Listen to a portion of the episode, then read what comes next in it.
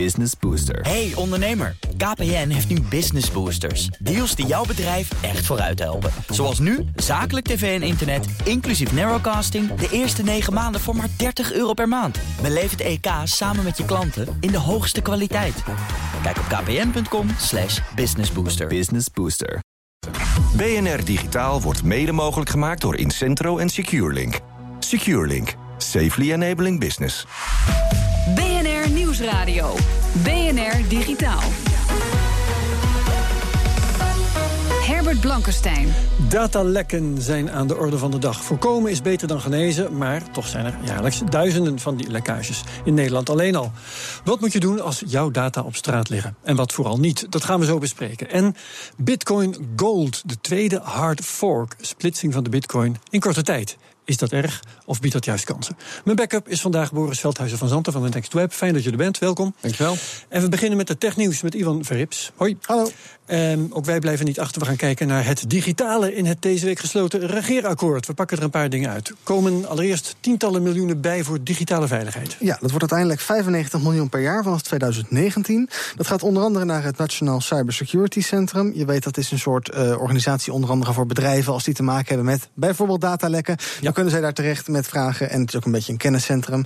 Verder wil het kabinet uh, meer aandacht voor digitale vaardigheden in het onderwijs. Nou, dat horen we ook regelmatig terugkomen. Maar ook uh, Defensie gaat uitbreiden als het om cyber gaat, uiteraard. Het gaat dan om nog eens vele tientallen miljoenen euro's. Dat is daar dus nog eigenlijk buiten. Maar, ja. Al met al, uh, nou, er wordt flink met geld gesmeten naar cyber. Ja, dat vinden wij fijn. dan hebben we nog twee omstreden wetten. De wet op de inlichtingen en veiligheidsdiensten... en de wet computercriminaliteit 3. Wat ja, gebeurt daarmee? Die ene wordt ook wel de sleepwet genoemd en de andere de hekwet. Sleepnetwet. Sleepnetwet, ja. wegwet. nou ja, goed. um, wat gaat daarmee gebeuren? Um, even over die compu wet computercriminaliteit 3. Dat is die hackwet dat de politie ook zelf dus mag gaan hacken. Uh, we weten daar iets meer over. De politie mag zero days gaan inkopen. Hè. Dat zijn dus gaten in software die nog niet bekend zijn. Mm. Maar alleen als dat een uiterst middel is... en dan ook met een specifiek doel. Die mogen ook alleen gekocht worden door bedrijven... die aantoonbaar niet aan dubieuze regimes verkopen. Nou, wie dat dan zijn, daar kan je natuurlijk een lijstje van bedenken. Ja. En uh, nou, voor die uh, wet op de inlichting en veiligheidsdiensten... komt er natuurlijk een referendum aan.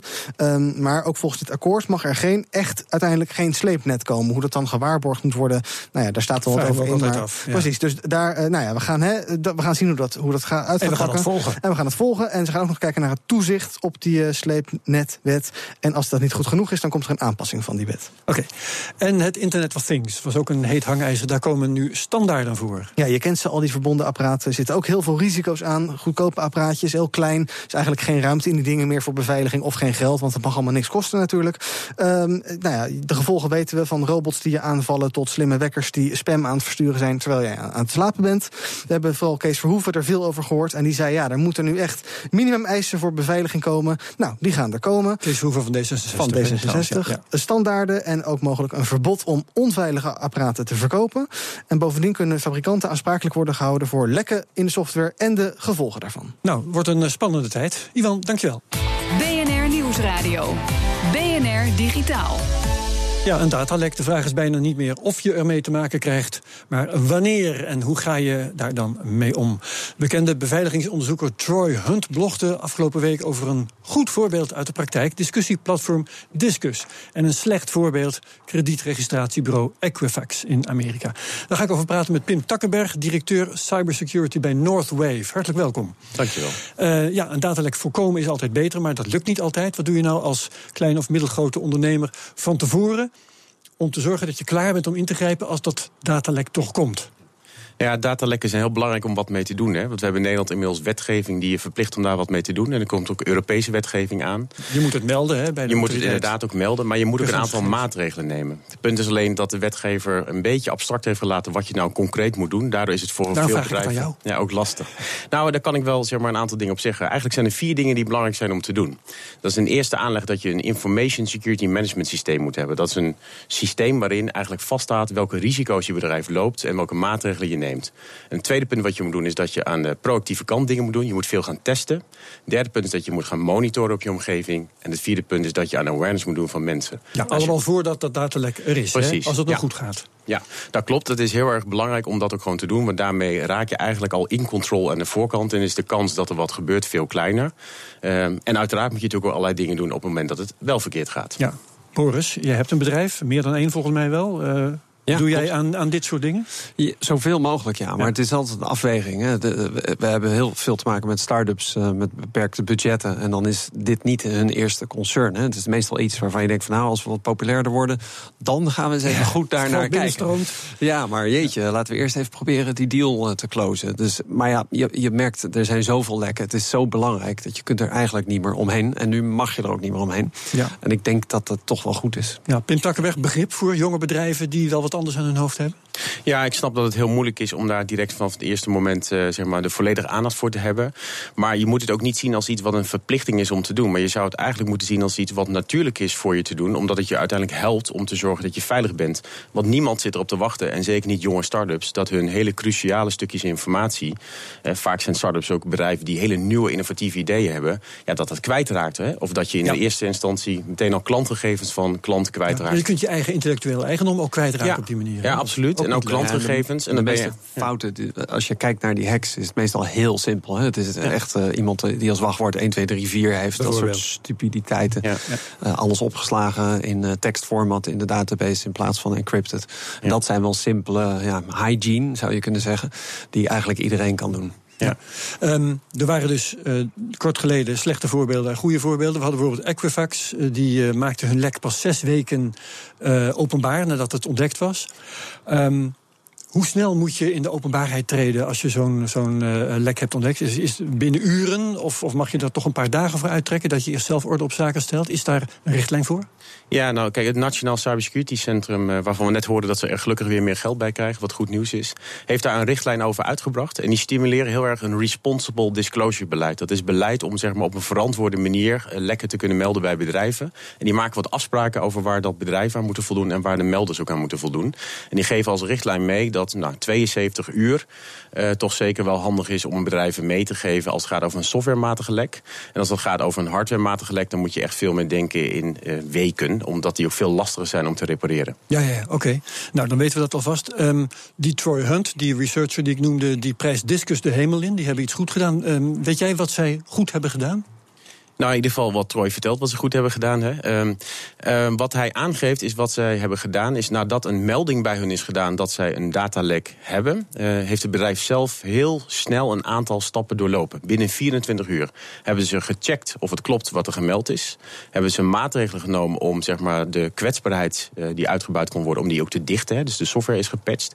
Ze hebben klanten geïnformeerd en ze hebben publiekelijk aangegeven dat er iets niet goed is gegaan. Ja. En juist het proactief naar buiten treden is iets dat dat lijkt heel spannend. Veel bedrijven, ook in mijn ervaring merk je dat, uh, waar wij bij onze klanten komen, vinden ze dat spannend. Maar uiteindelijk snappen mensen dat je niet alles kunt beschermen. En waarderen ze dat je er open over bent, in plaats van dat je geheimzinnig doet. En later toch op een leugen wordt betrapt. En daar hebben mensen een broertje dood aan. Ja, ja, ja. Oké, dus dan meld je dat en dan komt het in de openbaarheid. En vroeg of laat bellen dan de journalisten, waarschijnlijk vroeg. Um, hoe moet je die tegemoet treden? Volgens mij heel open. Um, ik denk wat belangrijk is, is dat je gewoon probeert om transparant aan te geven wat er is gebeurd. Um, dat je verantwoordelijkheid neemt over het feit dat het niet goed is gegaan. Dat snappen mensen ook vrij goed. En dat je vooral ook aangeeft dat je het serieus hebt opgepakt. En dat je alles eraan doet om de impact te minimaliseren. En dat gaat inderdaad over het lek dichten. En dat gaat ook over zorgen dat je nou, de mensen wiens informatie het bijvoorbeeld betreft, die gelekt wordt, dat je dat zo snel mogelijk ook dat je daarover informeert. En uiteraard uh, moet het bedrijf zelf ook nog een melding maken bij de autoriteit persoonsgegevens in Nederland. Dan zijn we weer bij die wet terug. Uh, je wordt wel verplicht om dit soort dingen ook gewoon te melden. Ja. ja. mijn ervaring is ook dat journalisten vinden het smeuig als je een foutje maakt. Maar ze vinden het nog veel smeuiger als je liegt waar je een foutje over hebt gemaakt. Ja, eens. Dus als je dat nou gewoon al begint met niet te doen, dan is er al veel minder verhaal. Ja, klopt. Ja, en is het zo dat, uh, ik weet niet aan wie van jullie ik dat het beste kan vragen, maar dat een leugen altijd uitkomt? Want mijn idee is altijd, als mensen blijven liegen, dan komt dat misschien omdat het meestal uh, helemaal niet uitkomt. Ja, ik, ik, ik vind eigenlijk. Dus, eh, bij, bij mij op kantoor zeg ik in je communicatie moet je eigenlijk de hele tijd rekening mee houden dat het morgen een, eh, op de voorpagina van de krant staat. Mm. dus als je mij een sms'je stuurt met iets waarvan je denkt, oeh, dat wil ik niet op de voorpagina van de krant hebben, stuur het me dan niet. Daar, eigenlijk moet je zo handelen. En ik vind dat dat hier ook geldt. Ja, Ja. klopt hoor. Een geheim is geen geheim meer als meer dan twee mensen ervan weten. Of eigenlijk meer dan één. Klopt. Ehm, hoe goed zijn Nederlandse bedrijven op datalekken voorbereid, naar jouw idee? Nou, ik merk dat ze het over het algemeen best heel spannend vinden. Als ik eh, met name kijk bijvoorbeeld in het MKB-segment... ehm, vinden ze het vooral spannend omdat het abstract is, ehm, dichtbij komt. Dus ze niet zo heel goed weten wat ze concreet moeten gaan doen. Eh, en tegelijkertijd wordt er eh, gedreigd met allerlei zware boetes... die je dan zou moeten gaan betalen. Terwijl het eigenlijk niet zo ingewikkeld is om daar zeg maar, concreet wat stappen in te gaan maken. Ehm, dus bedrijven zijn daar ook nog maar beperkt in voorbereid. Ik vind wel dat veel bedrijven er eigenlijk veel te laat mee zijn begonnen. Hè. De Nederlandse wet die bestaat al. De Europese wet die nog wat specifieker wordt, de GDPR, eh, is in eh, mei volgend jaar operationeel. General Data Protection Regulation. Hè? De, Dat is eh, helemaal juist, ja. het heeft ook een Nederlandse GDPR. afkorting, maar die ontschiet me De. AVG, ja. AVG, Ja. Algemene Veror- Verordening Gegevensbescherming. Ja.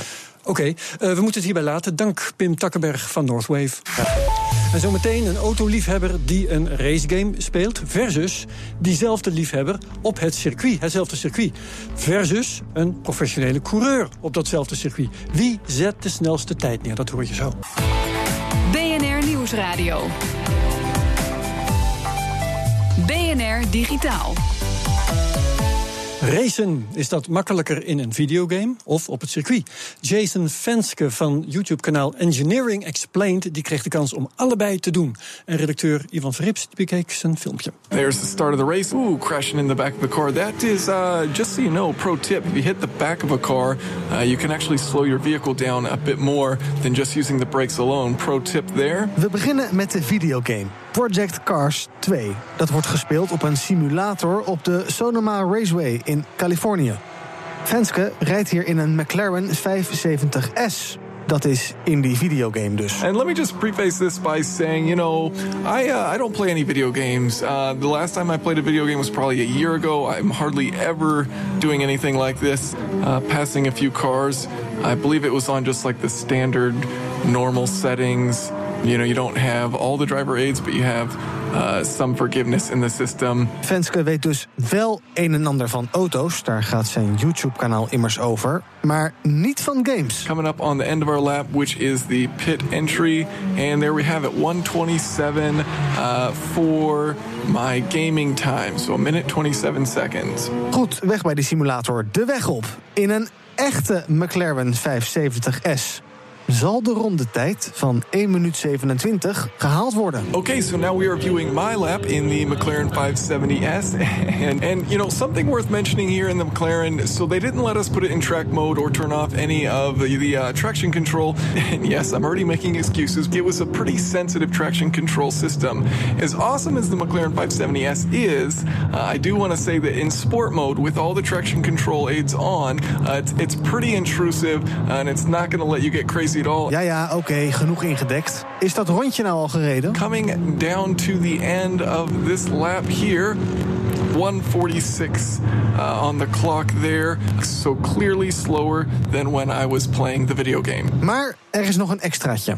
Kan een professionele coureur op het echte fysieke circuit de simulatortijd van Venske verslaan? We kijken even mee. Uh, so one of the cool things to watch here is actually the G meter, much higher Gs than you'll see uh, when I was driving. I think it reads as high as 1.4. Uh, I was riding passenger, so he does have the disadvantage of a little bit of added weight uh, to keep in mind, but he gets to turn off all those traction aids, so he doesn't have to worry about traction control saying, hey, no, uh, I don't want you to go fast. Yeah, I really don't know what to say. I mean, I can't really critique this guy. And look at that. De eindtijd van de professionele coureur? 133. Uh, so, uh, gaming prodigy Jason Fensky uh, has managed to outtake the instructor when he is out there in the real deal on the racetrack. Uh, so, we have all learned absolutely nothing today. Thanks for watching. Ja, geweldig. Jason Fensky. Met die game rij je dus sneller dan een professionele coureur op hetzelfde circuit. En het is nog een stuk goedkoper ook en veiliger misschien zelfs ook wel. Het hele filmpje van Jason Fensky vind je op bnr.nl slash digitaal. BNR Nieuwsradio. Herbert Blankenstein. Er staat een nieuwe hard fork van de bitcoin aan te komen en die heet Bitcoin Gold. Eh, over namen gesproken. Deze zomer was er ook al zo'n afsplitsing. Toen ontstond de Bitcoin Cash.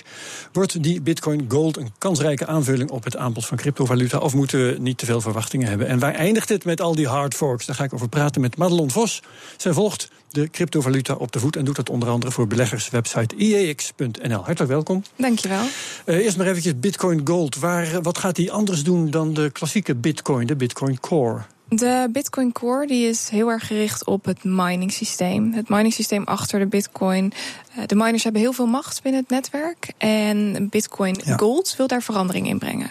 Met de komst van Bitcoin Gold willen ze graag dat de miners uh, veel meer verdeeld zijn. En dat er veel meer mensen kunnen gaan minen. Wat betekent dat automatisch de prijs van de munt lager zal liggen dan die van Bitcoin of Bitcoin Cash. Oké, en hoe, hoe uh, regelen ze dat? Dat uh, iedereen kan minen? Iedereen kan minen omdat er een ander systeem wordt gebruikt. Er is een ander mining systeem dan het systeem wat nu wordt gebruikt, het ASIC systeem. En zij zorgen ervoor dat door de fork een ander systeem wordt gebruikt. Ja, uh, en, en een lagere prijs van de munt, um, is, dat, is dat aantrekkelijk? Als je bitcoin hebt, dan wil je misschien juist een hoge prijs van de munt. Klopt. Uh, iedereen hoopt op een zo hoog mogelijke koers. Met Bitcoin Cash was het ook het geval. Toen staken we in rond de 400 dollar. En hebben we zelfs 1100 dollar gezien. De verwachtingen waren in de eerste instantie ook dat Bitcoin Gold dit ook zou doen. Maar nu krijgen we steeds meer het vermoeden dat dit wellicht helemaal niet het geval zal zijn. En dat we er een stuk minder goed vanaf gaan komen met het gratis geld en dergelijke, dat dat wellicht helemaal niet het geval zal zijn. Daar, daar, daar komen we nog op. Um, van Bitcoin. Heb jij hier verstand van trouwens, eigenlijk, Boris? Je zit wat te kijken. Maar ja, nee, ik houd het in de gaten. Ik vind het super, super, interessant. Ik vind de technologie heel interessant. Ja? Ik beleg zelf niet. En dat valt me wel op dat iedereen die erin belegt super enthousiast is. En uh, iedereen die niet belegt is uh, wat, uh, wat afstandelijker, ja. zeg maar. Dus ik, ja. ik wacht nog op de eerste Bitcoin-expert die super enthousiast is, maar niet belegt. Dat, dat zou een eerlijker ja. uh, expert zijn, denk ja, ik. Maar ja, als je super enthousiast bent, dan ga je waarschijnlijk vanzelf. Beleggen. Ja, misschien wel. Ja, ik, ik, kijk, ik vind de technologie interessant. Ik vind het ja, heel interessant in de toekomst. Wat ik, waar ik me zorgen over maak, is de goudzoekers. He, dus ja. je hebt de, de Amerikaanse een belegger en die zei: ja, het moment dat je taxichauffeur je stoktips gaat vragen, weet je dat er een ja. hype is en dat je moet verkopen. Uh, dat is echt nu aan de orde van de dag. Hè. Iedereen, uh, ja, je, je schoonmoeder belt je, hey, moet ik ook in bitcoin? En dat is wel zo'n moment dat ik denk van ja, je hebt geen idee van de technologie, van de filosofie, nee, van, ja. van de risico's. Uh, ieder financieel product komt tegenwoordig met de financiële bijsluiter, hè, resultaten uit het verleden enzovoort. En dit is gewoon ja, ongereguleerd een free-for-all. Dus, dus voordat we het gesprek voortzetten, Madelon, um, hoe reageer jij daarop? Dat nu de taxichauffeur je beleggingsadviezen geeft uh, dat je weg moet wezen? Ik ben daar persoonlijk uh, niet echt blij mee. Vaak wanneer je om je Daar heen... ben je precies niet blij mee? Ik ben er niet blij mee dat dit gebeurt. Um, ja. Vooral om dat je heen dan hoor je allemaal nu... toestroom bedoel Precies. Ja, Overal okay. om je heen hoor je... ik heb 100% rendement gemaakt, ik heb 50% mm. rendement gemaakt. En ik vraag me af of dit een goede ontwikkeling is. Uh, we krijgen steeds meer signalen dat er toch wel iets van een hype gaande is. Ja. ja en ik weet niet of dat zo positief is. Oké. Okay. We hebben het over Bitcoin Gold, Bitcoin Cash, de, ja. de forks. Eén, de Bitcoin Cash ontstond in augustus. En uh, Bitcoin Gold zal eind van deze maand uh, ontstaan. Ja, 25 staan. Ja, die Bitcoin Cash is als een pudding in elkaar gezakt, hè? Of heb ik dat mis? Uh, dat valt nog mee. We zijn naar 1100 geweest, helemaal in het begin. En, en staat die op? Wat is het? 300? 300 nog wat. Ja, dat, nou, dat, oké. Okay. Um, maar we krijgen dus zo die, die fork naar, uh, naar Bitcoin Gold. Betekent dat iedereen die bitcoins heeft, die heeft dan ook Bitcoin Gold. Wat adviseer jij mensen die dat hebben om te doen? Iedereen die zijn eigen private key bezit, zal ook Bitcoin Gold krijgen. Um, betekent als je zelf een wallet hebt, hè? Precies, als, als je, je, je eigen web, wallet op een website hebt, hebt staan, ja. een webwallet zoals dat heet, dan. Uh, als je bij een exchange zit, is het maar afwachten of die exchange uiteindelijk Bitcoin Gold zou aanvaarden en ook handelbaar gaat maken. Maar op het moment dat jij je eigen private key hebt, ben je er zeker van dat jij Bitcoin Gold gaat krijgen. Maar ja, of het uiteindelijk lucratief is, is nog maar afwachten. Want wat gaat die waarde zijn van Bitcoin Gold? Dat is iets wat we nog ja. gaan zien. En um, wat wij momenteel signaleren is dat er heel veel geld vanuit de altcoins richting Bitcoin stroomt. Omdat iedereen toch wel nieuwsgierig is naar wat de koers van Bitcoin Gold gaat zijn. Ja, dus alle andere uh, cryptocurrencies die zijn op dit moment um, uh, dalend, zeg Afgelopen jij? week waren ze inderdaad dalend. Ten gunste van Bitcoin. Ten gunste van Bitcoin. En nu zien we een beetje een omslagpunt. Dus het, gaat weer, het loopt weer een beetje toe. Maar uiteindelijk de totale marktkapitalisatie, dus het totale geld wat erin zit, dat neemt ook steeds meer toe. Dus uiteindelijk een positieve wending. Al die taxichauffeurs zijn toch zich aan het inkopen. Daar komt eigenlijk op neer. Ja, dat zou je kunnen zeggen wel. Ja. Maar, maar mijn vraag is dus, als je eh, als straks die focus geweest en je hebt eh, naast je gewone bitcoins ook dat bitcoin gold, moet je dat dan als een haas ook weer inwisselen voor bitcoins? Of ga je lekker wachten van die bitcoin gold zou wel eens wat kunnen worden? Ik verwacht niet dat de Bitcoin Gold uh, nu Bitcoin gaat overstijgen en dat iedereen daar zijn geld straks in stopt. Dat is niet mijn verwachting. Nee. Wat is het nadeel van Bitcoin Gold? Uh, in principe zit er niet een nadeel aan. Uh, het is puur de filosofie die jij aanhoudt, waar jij je prettig bij voelt. Als jij wil dat het liefst de miners uh, zoveel mogelijk macht hebben, dan kun je daarvoor kiezen. Maar ja, aan de andere kant, Bitcoin staat al negen jaar. Waarom zou je ervoor kiezen om nu over te gaan op een nieuw munt waarvan niemand weet wat de koers zal zijn? Het kan best zijn dat uiteindelijk straks Bitcoin Gold een complete flop lijkt te zijn. Ja, um, nou is het wel zo dat die Bitcoin Gold wordt in het leven geroepen... omdat mensen ontevreden zijn over bepaalde technische aspecten van, van de Bitcoin. Hè. De, de, de uh, lange tijden die het duurt voor een transactie rond is... Uh, de, de fees, hè, de kosten die het met zich meebrengt. Mm -hmm. um, Lost Bitcoin Gold die problemen ook echt op? Nee, Bitcoin oh. Gold lost die problemen niet op. Het enige waar zij op focussen, zij pakken de Bitcoin Core. Zij hebben iets daaraan verbeterd. En dat is hetgeen wat gaat over het minen. Voor de rest, alle transactie, Bitcoin Cash, nee, dat, uh, dat lossen ze niet op met Bitcoin Gold. Ja. En uh, meer mensen de gelegenheid geven om te minen, is dat, is dat een nobel doel, vind jij? Um, in principe dat zou dat een mooi op? doel zijn. Echter is het zo dat zij hebben aangegeven 1% al te willen pre-minen. Wat betekent dat zij al 1% van alle bitcoins zullen bezitten, alle bitcoin gold zullen bezitten. Dus ze verrijken vooral zichzelf. Zij zijn dat de zou je kunnen zeggen. in de gold rush. Eigenlijk. Precies, dat zou je kunnen zeggen. Ja. ja. Oké, okay, oké. Okay. Dus uh, is, is dat, uh, ja, het is dus eigenlijk een suspecte manoeuvre. Dit houdt mij een beetje tegen om heel enthousiast te zijn over Bitcoin Gold. Ja. Ja, goed. Um, hoe vaak krijgen we dit nog? Want, uh, oké, okay, Bitcoin Cash, Bitcoin Gold. Um, is, is, uh, blijft dat doorgaan? Hebben we straks 24 bitcoins? Ja, ik had het er toevallig met een collega bij IEX vanochtend over. Wij verwachten inderdaad dat we straks dat ICO's, je, ziet dat ICO's nu helemaal hip zijn. De initial coin offerings. Precies, hardforks zullen de nieuwe ICO's uh, gaan zijn. Oh. Dus uh, wij gaan straks zien dat er steeds meer hardforks bij komen. Ja, ja. Dan uh, gaan we jou nog vaak terugzien om het daarover te hebben. Dankjewel, Madelon Vos, columnist bij IEX.nl. Tot zover BNR Digitaal voor nu. Boris van Veldhuizen van Zanten was mijn backup. Hartelijk dank. En maar we nemen geen afscheid voordat we je bijpraten over uh, nog één dingetje uit de wereld van het digitale geld. Stel dat je een nieuwe plek zoekt om te wonen, dan kan je tegenwoordig een staatsburgerschap kopen. Jawel, met bitcoins. Niet hier, maar in de Republiek Vanuatu, een eilandengroep in Oceanië. Een onafhankelijk land. Kost je 200.000 dollar, maar die kun je dus in bitcoins betalen. Dan heb je ook wat, want ze hebben lage belastingen en bijvoorbeeld geen belasting op inkomen en winst. Bovendien is het land onderdeel van het Brits gemene best, wat ervoor zorgt dat je visavrij kunt rondreizen. Nog even naar de redactievloer, want daar zit Rob Jansen, onze financiële redacteur. Rob, wat doet op dit moment één bitcoin ongeveer? Eh, die doet om precies te zijn 4.752 dollar en 39 cent. Oké, okay, en altijd in beweging. Dankjewel Rob. Voor ongeveer 42 van die bitcoins kun je dus verhuizen naar Vanuatu.